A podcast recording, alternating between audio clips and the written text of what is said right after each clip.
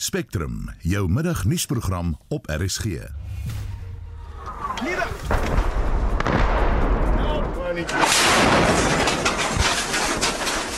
Stede in Oekraïne word steeds gebombardeer. Plaaslik sly gebrandstof en kospryse weens die konflik. Die goeie nuus is egter dat daar nie tekort aan kos verwag word nie. Ons het definitief meer as genoeg voedsel. Ons is selfvoorsienend in die hete van produkte. En basta met maskers en die inperkings uit Suid-Afrikaners. travel that are fully vaccinated should be allowed to enter the country uh, without presenting a PCR test because they are fully vaccinated. So the type of face mask that a majority of South Africans wear is cloth mask and it doesn't have a tight fit around the nose and the mouth. Uh, it's actually very little value. Goeiemiddag, welkom by Spectrum. My naam is Susan Paxton. Dis nou 4 minute oor 12 jy luister na Spectrum en Rusland sê daar sal nuwe humanitêre korridors oopgestel word vir mense wat uit Oekraïne wil vlug en het vanoggend met 'n skietstilstand begin in onder meer Kiev, Mariupol en Kharkiv. Jamari Ontruimingsroetes is vroeër deur die Russiese nuusagentskap RIA Novosti gepubliseer. Die korridor vanuit Kiev vat landsburgers vanaf die stad na Belarus. Burgers in Kharkiv het egter net een korridor beskikbaar en die lei reguit tot in Rusland. Die meeste van die sogenaamde groen korridors lei of na Belarus of na Rusland wat beteken Oekraïners kan nie die land via ander Oekraïense stede verlaat nie. Daar word ekte egter ook nou berig dat vlugtelinge van kleiner stede soos Mariupol wel deur ander stede kan vlug. Gepraat van Mariupol, die Russiese bombardering van die hawe stad duur voort en daar word berig dat sowat 200 000 mense in die stad nou voedsel, brandstof en watertekorte beleef. Dis reg, Mariupol lê aan die suide van die land en die stad se burgemeester Vladimir Boychenko sê twee skietstilstand ooreenkomste het oor die naweek ineengestort. Pogings om vlugtelinge veilig uit die stad te vervoer duur voort, maar Boyshenko sê die voortdurende bombardering bemoeilik die taak. In the first days of the war, we counted the victims in tens. Today, we count them in hundreds. Soon, we'll count them in thousands. They won't even give us the chance to count the wounded and the dead because the shelling has not stopped for six days. Nou Oekraïne se hoofstad Kiev is steeds in gedrang, maar Russiese troepe kan kon nog nie daan slaag om die hoofstad te binne te val nie. Nee, maar dit beteken nie die bestoking van sleutelgeboue, skole en hospitale in Kiev duur nie voort nie. Oekraïne se president Volodymyr Zelensky moedig inwoners steeds aan om die hoofstad te beskerm. We have already gained our future, but we are still fighting for our present. It is very important We are still fighting for where the border will be, between life and slavery. This is the time when it is still possible to defeat evil without irreparable losses. Nou die Russiese aanval op stede rondom Kiev duur voort. Die BBC berig onder meer dat 4 mense, insluitend 'n ma en haar twee kinders, uh, wat besig was om te vlug uit Irpin, dood is toe mortiergranate afgevuur is tydens 'n ontruimingspoging in die stad. Die beelde daarvan is genoeg om enige iemand te laat sidder. Die mense lê leweloos op die sypaadjie met hulle besittings steeds by hulle. Nou is dit dag 12 van die inval op Oekraïne. Wat is van die ander sleutelgebeure daar? Sanksies, sanksies en nog sanksies teen Rusland. Dit sluit in Netflix, American Express, Visa, KPMG en PricewaterhouseCoopers. Europa en Amerika oorweeg intussen 'n verbod op die invoer van alle Brent-olie uit Rusland. Amerika se minister van buitelandse sake, Anthony Blinken, het ook intussen gereageer op 'n versoek van Oekraïne vir die VSA om vegvliegtuie aan die land te voorsien. Blinken sê dit hang alles af van die Poolse regering. We are looking actively now at the question of airplanes that Poland may provide uh, to uh, to Ukraine, and looking at uh, how we might be able to backfill should Poland decide to produce those to um, su- supply those planes. Nou kom ek vat julle gou-gou deur van die ander hoofgebeure. Die BBC berig dat daar sedert die begin van die oorlog sowat 10000 mense reg oor Rusland in hegtenis geneem is, en dis weens betogings teen die land se inval van Oekraïne. Die Verenigde Nasies sê sowat 1,5 miljoen vlugtelinge is sedert die begin van die konflik land uit. Die VN beskryf die vlugtelingekrisis uh, so 'n soortgelyk aan die van die Tweede Wêreldoorlog. En dan is daar berigte dat China se Rooikruis ook nou ingryp met humanitêre hulp vir Oekraïne. 'n Onverwagse verwikkeling aangesien dit verlede week aan die lig gekom het dat China reeds vroeg in Februarie geweet het wat Putin beplan.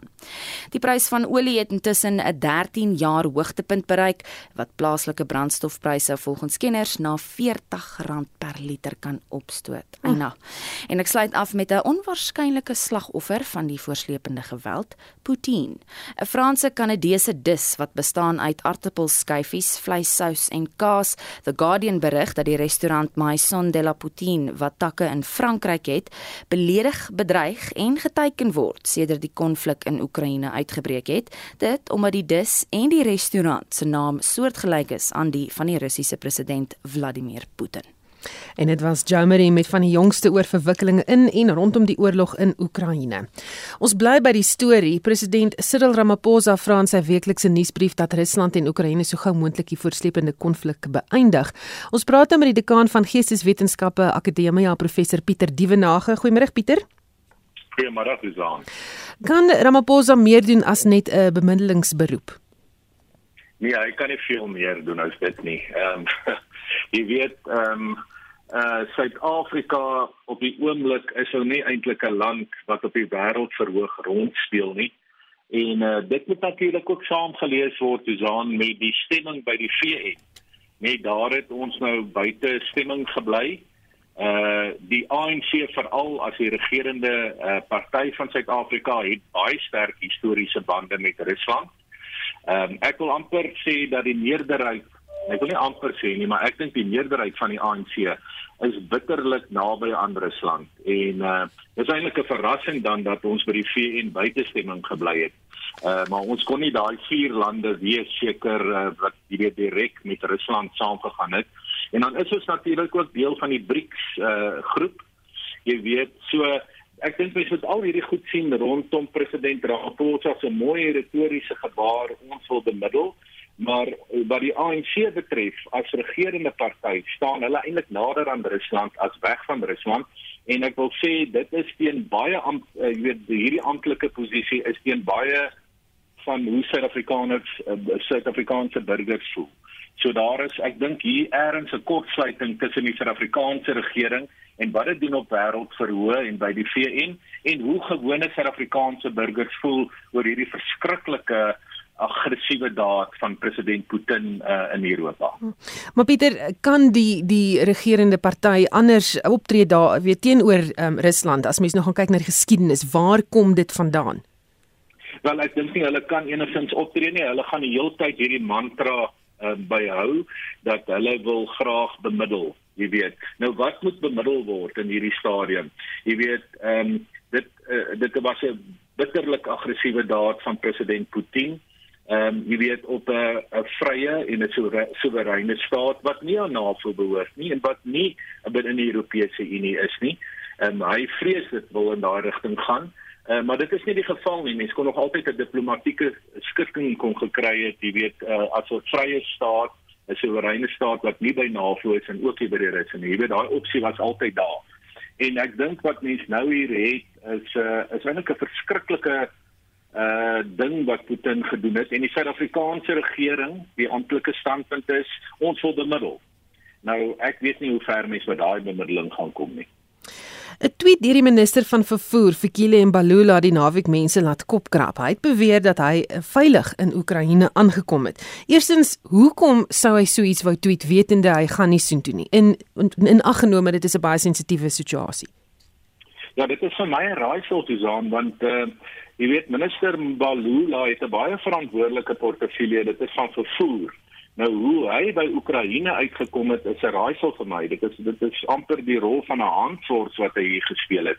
Want ons het ons minister van buitelandse sake, ons het ons minister van verdediging, uh, ons het ons president. Dit is die mense wat uh, oor hierdie saak hulle moet uitlaat. Nou sit jy met 'n minister van vervoer wat nou, jy weet, snaakse dinge tweet hier oor die naweek en wat klaar blyklik nie in Oekraïne was nie.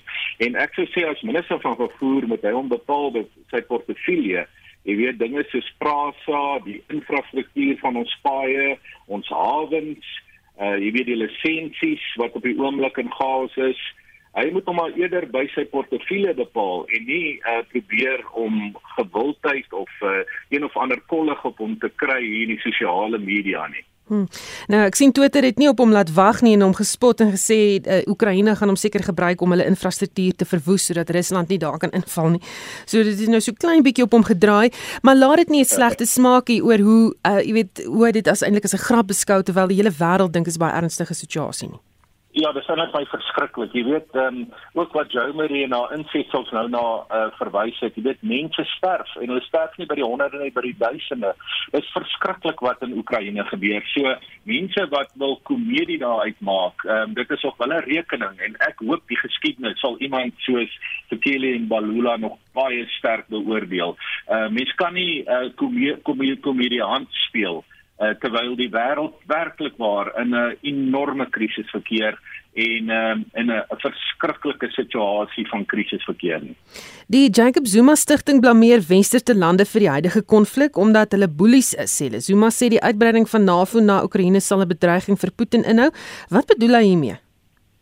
Ja, dit is ons het al 'n bietjie aangeraak. Dit is hierdie irrasionele uh, bande wat die ANC elite het met Rusland. Mens moet onthou dat eh uh, voormalige president ehm um, Zuma is baie soos president Putin mense wat kom uit die intelligensie wêreld van die koue oorlog nê nee? ek praat hier van die 1970s en 80s beide oud president Zuma sowel as president Putin het hulle politieke tande gesny as ehm um, tipe intelligensie operateurs in die koue oorlog in die 1970s en 80s en dit het hulle politieke kyk op die werklikheid gestempel.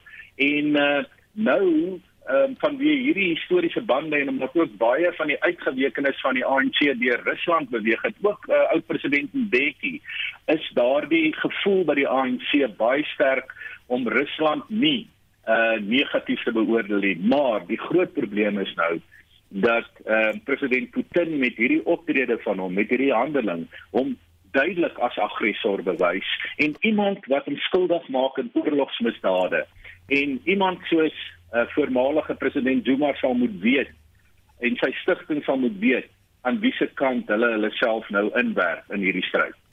Wat weet ons van die humanitêre of groen korridors wat vir vlugtelinge oopgestel is? Daar's beweringe dat Oekraïne moetswillig is deur nie die deurgangsroetes te gebruik nie om Rusland in 'n swak lig te stel. Nee, ek dink eh uh, Susanna se ek die saak sou beoordeel is daai korridors daar juis vir Oekraïne om te benut en dit is veral hierdie suidelike stede, jy weet Mariupol daar in die Krimskiereiland, uh, daardie eh uh, jy weet in die Swartsee. Dis daai stede wat in 'n krisis is van die Russe dit ook uh, oorgeneem en hulle wil graag 'n korridor hê na die weste van Oekraïne om uit te gaan en die Russe het uh, daardie ooreenkoms verbreek soos ek dit as 'n politieke kommentator verstaan. So dit is my interpretasie van daardie gegewe. Hmm. Daar's ook al meer kritiek dat uh, die die hele wêreld net uh, aan Oekraïne se kant is en nie Rusland se oogpunt probeer verstaan of sien nie. Um, sê my saam daarmee. Weet jy, dis 'n belangrike vraag. Kyk, uit die aard van die saak weet mens Oekraïne is in daai middelsone van Europa wat histories geweldige komplekse kragte en magte al losgemaak het. Ons almal weet dit. Ehm um, mens weet ook 'n saak het altyd twee kante nê nee, en ek probeer baie hard met my eie politieke kommentaar insien wat lê agter Rusland se inval in Oekraïne. En hoe meer ek die saak bestudeer dis dit dit is meer 'n kwessie van president Putin wat een of ander erfenis vir hom self wil opbou maar ek is nie seker of hy in voeling is met sy volk nie. En of die gewone rus jy weet die persone in die straat Ek dink nie hulle wil oorlog hê nie. Hulle wou ook 'n diplomatieke skikking gehad het in Oekraïne en ek dink daai diplomatieke skikking was moontlik nog steeds in hierdie laat ma uh, weet in die laat maande van 2021 en die vroeë maande van 2020. En toe het uh, president Putin ehm um, ek weet nie hoekom nie, um, hy is iemand wat lyk my al hoe meer op sy eie opereer. Uh ek weet nie wie wie hom konsulteer nie, uh, saam met die veiligheidsmagte besluit die Kremlin hierdie land gaan nou ingeval word en dit terwyl daar steeds diplomatieke moontlikhede was. So Susan in 'n netedop, ek dink die meerderheid van die wêreld ehm um, is hier nie verkeerd nie, maar die probleem lê nie by die Russe self nie, maar dit lê vir my by president Putin en die manier waarop hy as 'n tipe demokratiese autokraat optree in hierdie situasie en die uiteinde van hierdie uh, uh, van dit alles is verskriklike menseverlies. 'n uh, Verskriklike lyding, 'n uh, hmm. pragtige land soos Oekraïne wat tot die grond afgebreek word, is dit alles die moeite werd. Baie dankie. Dit was die dekaan van Geesteswetenskappe aan Akademia, Pieter Dievenage. Brent 3 olie het weens die onsekerheid in Oekraïne tot 'n nuwe hoogtepunt van 139 dollar per vat geklim, maar het intussen teruggesak tot 129 dollar per vat. Ontleeders voorspel dat die plaaslike brandstofprys tot R40 per liter kan styg en ons praat nou hieroor met die ekonom van CH Economics Dr. Chris Harmse. Goeiemôre Chris. Môre Susan. Hierdie brandstofprys is uh, reeds R21 per liter, dalk meer op sekere plekke in die land. Wat is die moontlikheid dat die brandstofprys tot so hoog kan styg as R40 en hoe vinnig sal dit aangepas word? Susan, ja, daar staan. Daar's 'n baie sterk moontlikheid. As 'n mens nou as 'n mens nou sou gaan en jy hom projekteer hoe wat in die eerste week gebeur het. Goed, so kom ons dit duidelik net. Die die die R1.43 wat jy meer betaal het, was ehm um, uh gebaseer op die 25ste van ehm um, Februarie. Dis die dag wanneer die dag toe Oekraïne vir Rusland binnegeval het en die gemiddelde oor die oliepryse op baie stadium is 83 dollar. Ek is logies ons is omtrent op 50 dollar sterker. As as jy hoor. So in die, in die eerste week met ander woorde van die 25ste Februarie tot die 4de Maart wat Vrydag is. Het die onderverhaling op diesel al klaar 232 sent en op brand op petrol 193 sent. Dit was teen 'n gemiddelde olieprys van onder 100 dollar. Nou het ons reeds sê dat Vrydag en oor die naweek het hy so sterk gestyg het is die olieprys inderdaad soos jy nou sê al om 128 en hy kan nog verder styg. So as jy net gaan en ekstrapoleer dit vorentoe, dan beteken dit ons praat hier van dit kan soveel wees natuurlik, soos ehm um, van hier af nog R4 per week. En met ander woorde as hy 4 tot 5 rand per week. As die rand ook nog verder gaan verswak in die rigting van R15.60, R15.70 en jy maak hy selfe ekstrapolering, dan kan dit wees so nog so R6 per week uh, ons het nou al reeds 232 uh gehad. nou dan nog 3 weke oorbly. Uh en jy werk op R6 'n week, is 6 x 318. So so met ander woorde op wat ons sê in aanhalingstekens, dis moontlik. Ek het ook maar net die berigte gelees. Dis moontlik dat die petrolprys met R18 nog kan styg in volgende 3 weke tot dan met ander woorde dan tot R4 'n liter. Chris, het jy al ooit so iets gesien in jou lewe voorheen? Uh ja. Ja. Ek kan dit in my tyd onthou. Ouer luisteraars sal onthou. Ons vat almal terug tot 1973, 1973 die eerste oliepryskok. Het petrol letterlik verdubbel by die stasies. En by petrolstasies is 'n kwessie van 2-3 weke. Ja, nee. Sê dit gaan. Hm. Ons het dit gehad. En daarom is daar groot geleide nou Hoekom gaan ons nie weer terug na 'n goudstandaard om geldeenhede te beskerm en so voort nie? Nee, ons het al. Uh ons het al. Ehm um, met ander ons maar ons praat hier van wat 50 jaar gelede. Daardie beweging het die hele wêreldekonomiese finansiële stelsel op sy op sy kop gegooi. Ons is weg van die van die van die goudstandaard. Hulle gaan op sewende was ook koerse. Uh ons het van die hoogste inflasie gehad. Mense wat mense wat daai tyd huise gekoop het in Suid-Afrika, so onthou jy 20% op die verband betaal. Ja. Uh, en dit het weer gebeur in 1985. So met ander woorde hierdie is niks niets nie, dit het al gebeur. Uh, maar wat wel hier gebeur is dat die onsekerheid en die omvang is so so so breed oor die wêreld dat ehm um, hierdie ding kan tot groot katastrofe lei as dit nie op op opgelos word nie. Die enigste ding wat ek net uit kan sê is dat die gewone man op straat daar buite waar daar waar daar sekere geleide is dat nie maar Suid-Afrika is is geïsoleer van wat in Oekraïne en in Rusland ons is nie. Daar voel jy dan jou sak. Uh en hierdie is maar nog die begin. Ek weet daar was vanoggend 'n groot gesprek. Ons kan net dink hoe hierdie gaan deurwerk na voedselpryse toe. Hmm. Ons gaan nou daarna luister. Baie dankie ons te praat met die ekonom van CH Economics Dr. Chris Harmsen waarvan waarna hy verwys is dat die stygende brandstofpryse en konflik tussen Oekraïne en Rusland 'n reuse impak gaan hê op kospryse, so het die landbouekonoom Dawie Maree vanoggend op Monitor gewaarsku. Ongelukkig word ons produkpryse, ons mielieprys, koring en en al daardie pryse word op internasionale vlak vasgestel en dan word as gevolg van die wisselkoerse inwerking daarop word dan ook nog daarop bereken. So enigiets wat op internasionale vlak gebeur het 'n uh, impak op ons plaaslike pryse. En daarom sien ons die stygings in daardie produkpryse ook. Vleissoorte het ook aansienlik gestyg. Rooi vleis definitief oor die laaste paar maande en dit is eintlik op die rug van die feit dat met ons het 'n goeie produksieseisoen in terme van reënval en boere het na die droogte begin om om weer hulle kuddes te herbou en is en dis 'n langtermynproses. So die aanbod is nie noodwendig dieselfde as wat was voor die droogte nie. In die plaaslike kant is daar dan so 'n bietjie van 'n afwaartse uh, neiging as gevolg van invoere wat daar inkom en ook aan varkvleis se kant is daar ook 'n bietjie 'n daling in pryse gewees die laaste paar maande. Maria is egter positief dat ons voedselsekerheid nie deur die oorlog benadeel sal word nie. Ons het definitief meer as genoeg voedsel Ons is selfvoorsienend in die hete van produkte, behalwe natuurlik koring en rys wat ons invoer. Uh, ons voer vir die helfte van ons koringbehoefte voer ons in na Suid-Afrika toe. Ek dink egter die kommer is op voedsel uh, bekostigbaar. En dit is juis as gevolg van die vervoerkoste komponent en natuurlik die stygings in in die internasionale pryse. Met ons het nou nie nie gedink dat 'n uh, inval in Oekraïne so groot invloed op ons gaan hê nie. Maar as ons net gaan kyk na na die na die stygende brandstofpryse. Dit het onmiddellik weer druk geplaas op die besteedbare inkomste van ons verbruikers en ek dink dit gaan vir die volgende paar maande nog die geval wees. Davie Maria, 'n landbouekonoom en die hoof van inligting en bemarking by FNB Landbou. Ek is Justin Kennerly vir SI Garnis. 25 minute oor 12 jy luister na Spectrum die Tygerberg Hospitaal in Kaapstad het die eerste staatshospitaal geword om robotiese chirurgie um, of oper, ja chirurgiese operasies met die Da Vinci robot uit te voer. Die twee van die robotte of twee van die robotte is in Oktober verlede jaar deur die Wes-Kaapse regering aangekoop. Volgens professor Andre van der Merwe van die Universiteit Stellenbosch het dit 40 miljoen rand gekos. Hy sê die robot sal deur 'n spesialis chirurge beheer word.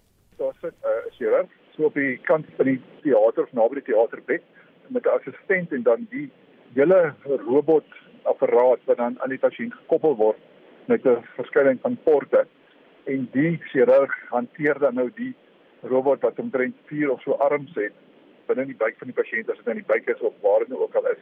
So die program moes eintlik al gebeur het as ek verskriklik graag gehad het oor baie jare en dit is nou by Tygerberg en by Groot Skuur waar ons nou albei robot afgelaai gekry het en dit kos natuurlik ontsaglike hoeveelheid geld. Ons is ontsaglik dankbaar dat daar spesiale fonds was wat die geld kon beskikbaar gestel het om die apparate aan te koop. Want dit vat medisyne net heeltemal vorentoe.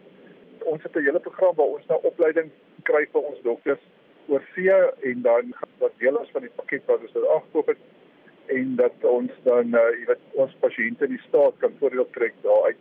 Ons eerste dokter is al terug jy het al gehoor van die eerste geval wat dit is. Maar wat dis basies ons program, so dis 'n slaafrobot wat baie baie fyner kan opereer as wat gewone mense opereer. Hoe was die ervaring om die eerste robotika operasie in Suid-Afrika by Openbare Hospitaal uit te voer? Dink jy dit is regtig baie baie groot gebeurtenis. Dr. Tim Volgen van die afdeling algemene chirurgie het die operasie uitgevoer op 'n kankerleier en hy het sy opleiding in België gegaan En ons het almal span verskriklik bly gewees dat dit kon gebeur het en ook dat dit by Tygerberg kon gebeur het. Want Tygerberg is bekend daarvoor om innovasie te druk in staatshospitale in Suid-Afrika, verseker meer as enige ander staatshospitaal in Suid-Afrika. En wat ons verskriklik bly oor was is die goeie samewerking tussen die drie hoofdepartemente, ginekologie en obstetrie, urologie wat natuurlik baie met die prostate uitgewys het en dan algemene chirurgie wat baie met darmkanker se uitgewys het. So net het jy daai gevaarslag gedoen is dit almal verskriklik baie bly en dit het ongelooflik goed gegaan. Ek dink ook te volgen het baie goed gedoen in sy opleiding. En uiteindelik ek glo weet dat die oefeninge wat ons hier gedoen het, het vooruit gegaan in sy opleiding dat amper meer moeilik gewees as dit wat hy oorsig kyk, maar hy was regtig baie goed opgelei gewees in die tyd wat hy in die eerste geval gedoen het en dit is vir ons al die ander gevalle gaan aanpak by Tygerberg. Ons mense gaan regtig voorberei wees en en ons pasiënte gaan die die heel beste sorg kry. Wat is die voordele om van robotika gebruik te maak vir operasies? Dan daar is voordele vir die pasiënt en vir die hospitaal. Spesiaal vir die pasiënt, die operasies kan beter gedoen word. Baie moeilike operasies wat mens baie fyn moet werk, kan 'n mens onder vergroting baie mooi sien en dan die robot het natuurlik 'n meganisme waarmee hy as 'n sê maar daar's 'n bewerasie of 'n tremor in 'n serosaan wat dit uitgehaal word. En baie keer alles wat mikrochirurgie doen dan affekteer dit tremor jou verskriklik. Al jy weet al dink jy nie jy het 'n tremor nie maar dit is baie keer verskriklik moeilik om 'n regtig fyn steekies in te kan sit of om 'n regtig klein senuwees te kan uitdissekteer en so aan. En die robot help dit om dit regtig waar baie glad te kan doen en dan natuurlik vir die hospitaal enige hospitaal wêreld like nie net ons nie is die voordeel dat maar die operasie so goed gedoen word en op so 'n standaard hier gedoen word is bloedverlies baie minder en dat die hospitaal verblyf is baie minder, maar nie net baie minder nie, maar is ook baie voorspelbaar. So mense kan op 'n 90% sekerheid sê iemand wat se prostaat verwyder is, gaan net 2 dae in die hospitaal bly. En iemand wat 'n darm verwyder het, gaan miskien soveel dae in die hospitaal bly. So die hospitale kan baie beter beplan en dit ook in die jy weet in die staat natuurlik vir staat seker ook baie geld belangrik is kan daar met ander baie meer akkurate voorspellings gemaak word oor die onkoste wat aangegaan sal word vir 'n sekere hoeveelheid dis nou kankerpasiënte of wat ook al om mense sal opereer.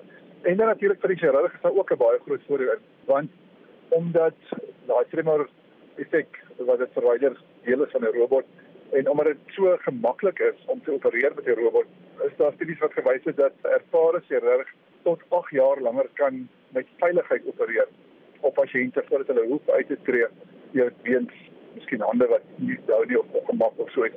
So dit pasiënte het die voordeel van 'n baie baie meer ervare chirurg vir baie langer met die gebruik van die robot. En dit was professor Andre van der Merwe, die hoof van urologie aan Universiteit Stellenbosch se fakulteit geneeskunde en hy het met Vincent Mofokeng gepraat.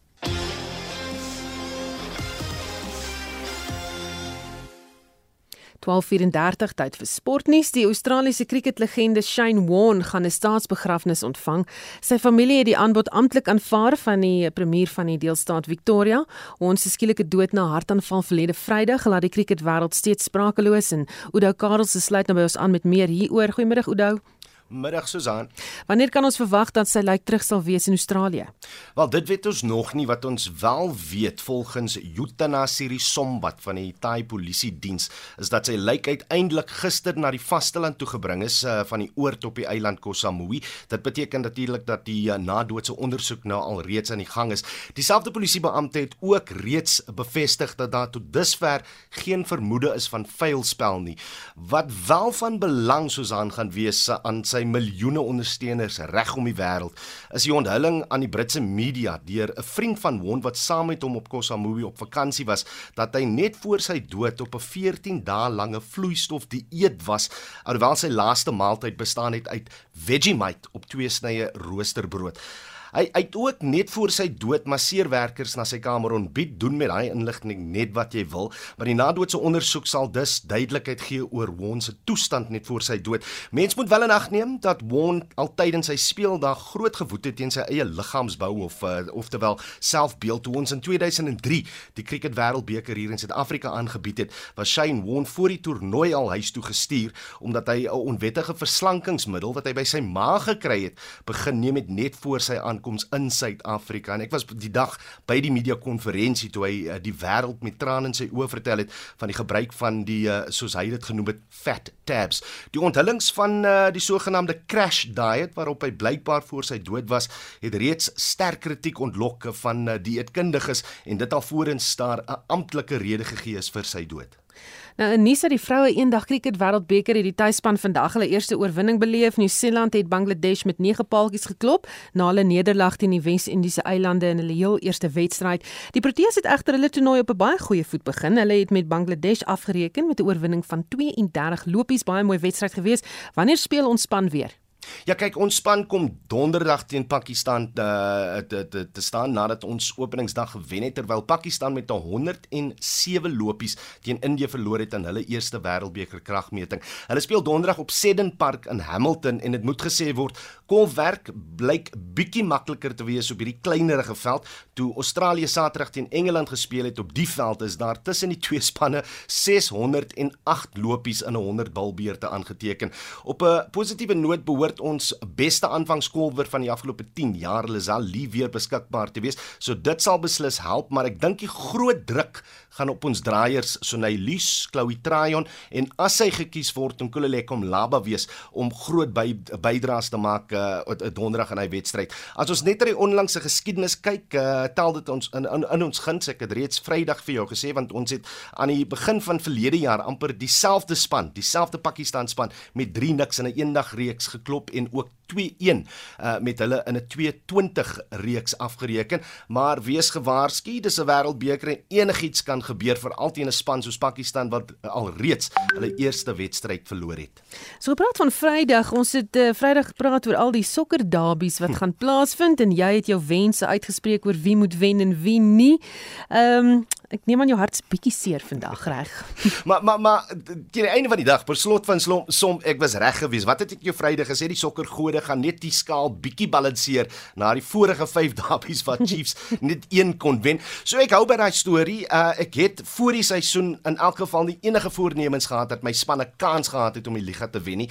Wie sal dan nou so arrogant wees om te dink dat enige span anders Mamelodi Sundowns vir die titel beskore is? En as dit by Manchester United kom, Susan Paxton, is ek meer as ooit daarvan oortuig dat nie net die sokkergode nie, maar ook die skepper van die heelal my span gebruik as 'n metafoor vir uh, hoe koninkryke geskep word en hoe hulle ook val.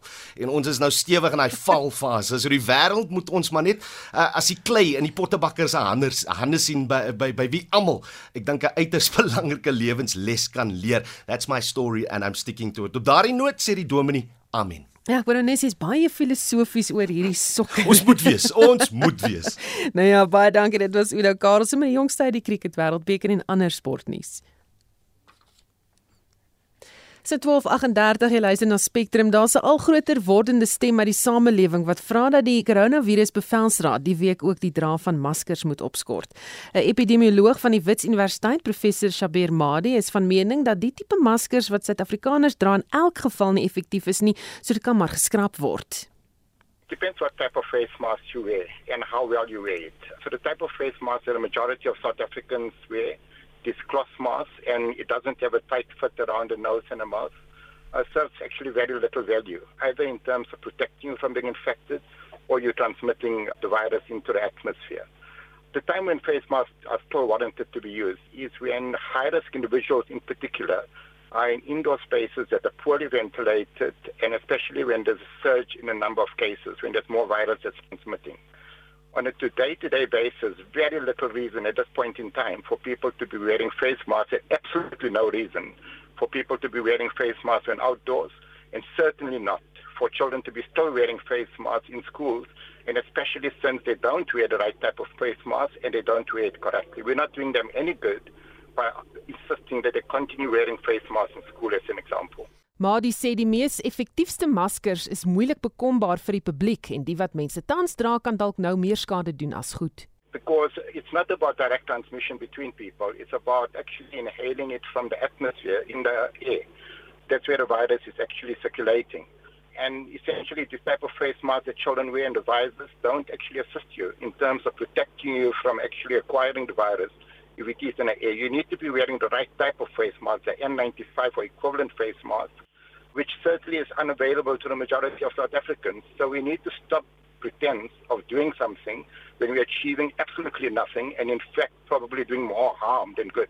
Maar is ook van mening dat stadions weer oopgestel moet word. I just can't for life of me understand why people haven't gotten to understand and I'm to, when I'm saying people I'm talking of the Department of Health including unfortunately ministers that the majority of infections do not occur outdoors. The majority of infections occur indoors in poorly ventilated spaces. In South Africa, where more than 85% of the population have now developed some level of protection against severe disease and death by virtue of either having been previously infected or by vaccines. There's absolutely zero reason why FNB Stadium couldn't be full to capacity over the weekend. En dit was 'n epidemioloog van die Wits Universiteit, professor Shabir Madi. Nie die koronavirus bevelsraad sal die week vergader oor al die inperkings.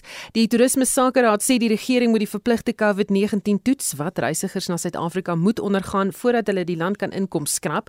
Die voorsitter van die Suid-Afrikaanse Toerisme Sakeraad, Chifiwa Chivengwa, sê dit sal reisreëlings vir toeriste vergemaklik. Well, what we've been saying is that you know travelers that are fully vaccinated should be allowed to enter the country uh, without presenting a PCR test because they are fully vaccinated.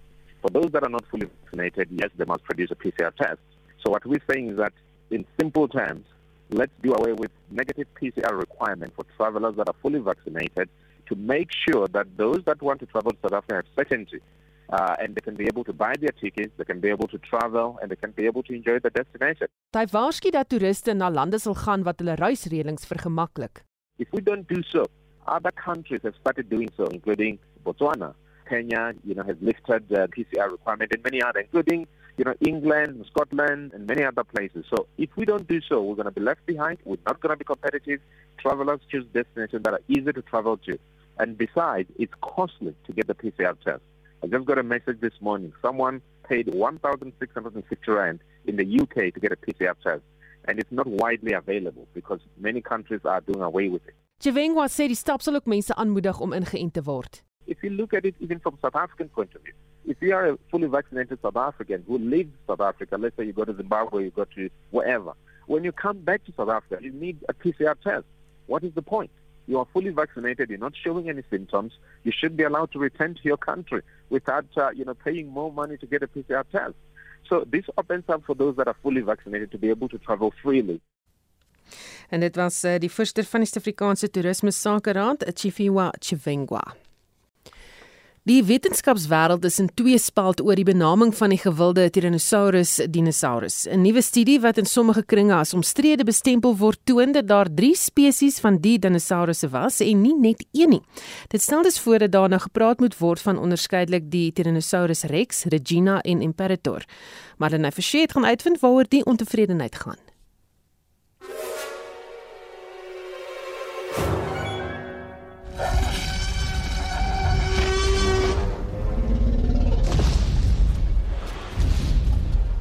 Vir jare lank is die magtige Tyrannosaurus Rex nou reeds die gewildste en vreesaanjaende dinosaurus in rolprente. Nou klink dit egter asof die Rex spesies nie die enigste een gaan wees waarmee die helde in rolprente moet rekening hou nie. Maar vir nou, sê professor in paleontologie aan die Wits Universiteit, Jonas Schwanier, dat paleontoloë eers van mekaar moet rekening neem. Want die tande kom uit. This has gotten a lot of attention. So there are scientists all over the world taking to Twitter, protesting, and doing the scientific version of, of sort of digital yelling at each other. People are quite upset about this because Tyrannosaurus rex is the world's most famous dinosaur. And we've thought for more than 100 years now that all T Rex specimens could be assigned to one species. And this new paper puts forward the idea that actually we've been wrong this whole time.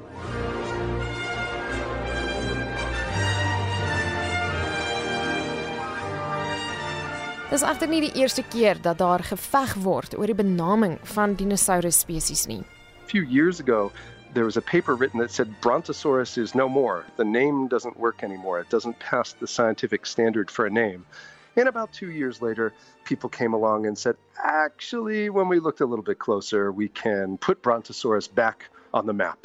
That name is valid. In gaan beduidende op huidige literatuur nie. The first thing to do is not panic. This is not rewriting the textbook on paleontology. We're all going to get along just fine and life will go on. We do have to accept in science that it is a hypothesis driven discipline, right? And the quality of a hypothesis is really how, how strongly it gets tested. En toets gaan die studie se bevindinge getoets word want wetenskaplik gesproke is al volgens Schwanier en ander wetenskaplikes nie genoeg bewyse nie. There are a number of researchers out there who've spent their whole lives studying these animals. A guy named Tom Carr was quoted as person I know quite well as a colleague. Tom has seen every Tyrannosaurus specimen on Earth. He's literally sat with the bones for days and weeks and months and, and tried to make sense of all the different shape and data he collected. He was pretty upset about this. I mean, his conclusion is you look at all the skulls of these animals and they look basically identical. How come if they're separate species, how come there aren't single quantifiable differences that they could put out there? Maar is dit so ver gesog om te dink dat daar meer Tyrannosaurus spesies is as waarvan ons bewus is? The authors actually point out in this paper that it wouldn't be that crazy. We have a lot of examples in the natural world where there's many similar species uh, living at the same time. Most recent example, the Indian and the African elephant, right? They're relatively similar. You, there's no question that you'd be like, that's an elephant. Um, and the species level distinctions are soft tissue parts like the size of the ears, the size of the animals themselves. And as paleontologists, we don't have access to things like skin color or the ear shape and things like that. We're actually playing with kind of a limited amount of data. Dit was professor Jonah Schwanier aan die Universiteit van die Witwatersrand se departement van evolusionêre studies. Hy sê dit gaan nog lank neem om die jongste bevindinge te bewys. Intussen duur die stryd om die benaming van die prehistoriese wêreld se gewildste dinosourus voort. Marlene Forsie is ikonies.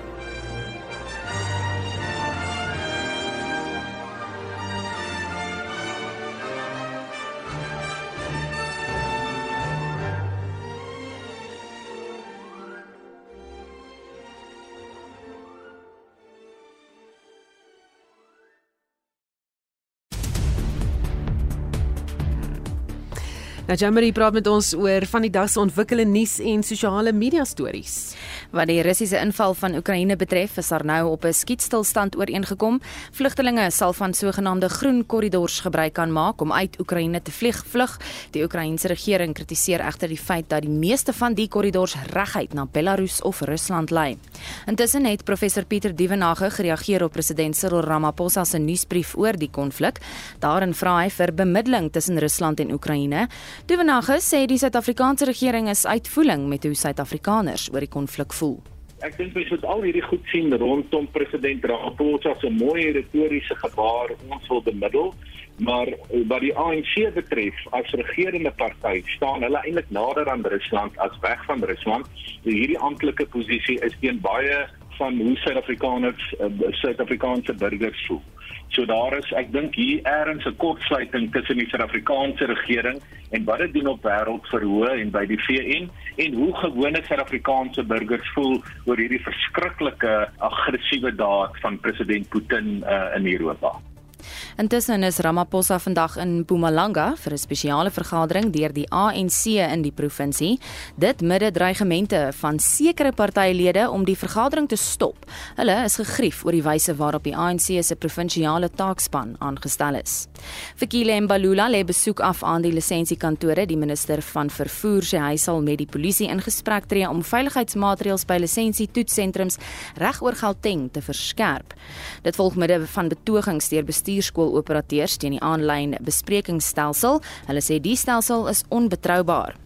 Dan het die Gautengse departement van onderwys bevestig dat sosiale media gerugte oor 'n leerling van die Malvern Hoërskool in Johannesburg 'n onderwyser geskiet het, vals is. En ons bly by sosiale media. Die hitsmerk DJ Dimples is al meer as 15000 keer op Twitter gedeel. Die Suid-Afrikaanse kletsrymer is gister onverwags dood weens bloeding op die brein. Hy was maar 29 jaar oud. En dan in ander vermaaklikheidsnuus word die popster Ed Sheeran na van naapery beskuldig. Die komponiste Sam Chokri en Ross O'Donoghue sê Sheeran het in se 2017 treffer Shape of You maak inbreuk op sekere dele van hulle komposisie in 2015 Oh Why. Die saak word die volgende 3 weke in die Hooggeregshof in Londen aangehoor. En dit was Jamie met 'n blits nuus en sosiale media oorsig. daarmee groet die Spectrum span. My naam is Susan Paxton bly ingeskakel vir 360 net hierna.